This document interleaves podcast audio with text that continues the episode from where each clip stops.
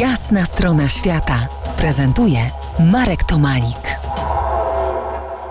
Kontynuujemy marszo spacer po roztoczańskich ścieżkach historii. Kiedy cofam się tam pamięcią, słyszę jak wieje lekki wiatr, pod stopami przesypuje się złocisty, ciepły piach, słychać szum wody. I w takich to okolicznościach przyrody wyruszam w kojąco spokojny zielony świat, gdzie wioski witają i żegnają przydrożnymi kapliczkami wotywnymi.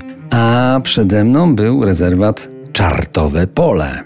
Chwilę później zanurzyłem się w dzikich ostępach rzeki Sopot. Otóż jej zimne wody bystro płyną prawie kilometrowym przełomem i rozbryzgują na niewielkich kaskadowych wodospadach. W rezerwacie nad Tanwią na długości pół kilometra jest ich tam, tych mikrowodospadów, chyba dwadzieścia parę. To tak zwane szumy.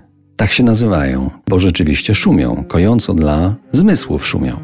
Jest tam na roztoczu taki szlak z Janowa Lubelskiego do Biłgoraja na Azymut. Przez lata droga ta, jeśli to drogą można w ogóle nazwać, była dla wszystkich pojazdów praktycznie nieprzejezdna. Jej część prowadzi przez bagna, część w naturalny sposób została wchłonięta przez las. Nawet rowerem jest trudno przejechać, ale piechotą brnie się w tę dzikość bardzo ciekawie, bo każdy kilometr wciąga coraz mocniej. Nigdzie indziej nie widziałem, nie podziwiałem tak potężnych, wyniosłych jodeł i sosen. Wieczorem do palonego przeze mnie ogniska przychodziła staruszka z pobliskiego domu, właścicielka terenu, na którym stanął mój namiot. Zaprosiła do korzystania z rewutni i ze swojej studni. Bardzo dobrze znała historię tych ziem, a ja z uwagą słuchałem i zapamiętałem. Otóż w XVI wieku ziemie Roztocza trafiły do majątku ordynacji zamojskich. To byli dobrzy gospodarze, ale na tłoku wojen nie byli w stanie powstrzymać. Szczególnie druga wojna światowa, której doświadczyła starsza pani. Opowiadała mi ona o pożogach, o pacyfikacjach ludności, o wysiedleniach, o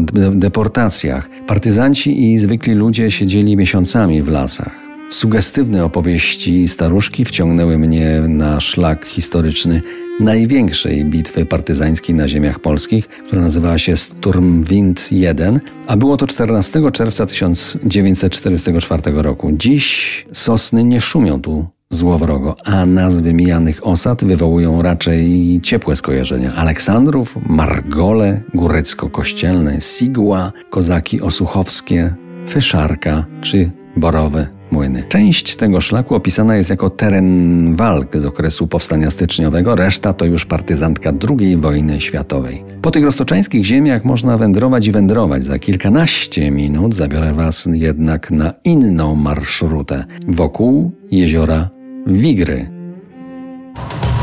To jest jasna strona świata w RMF Classic.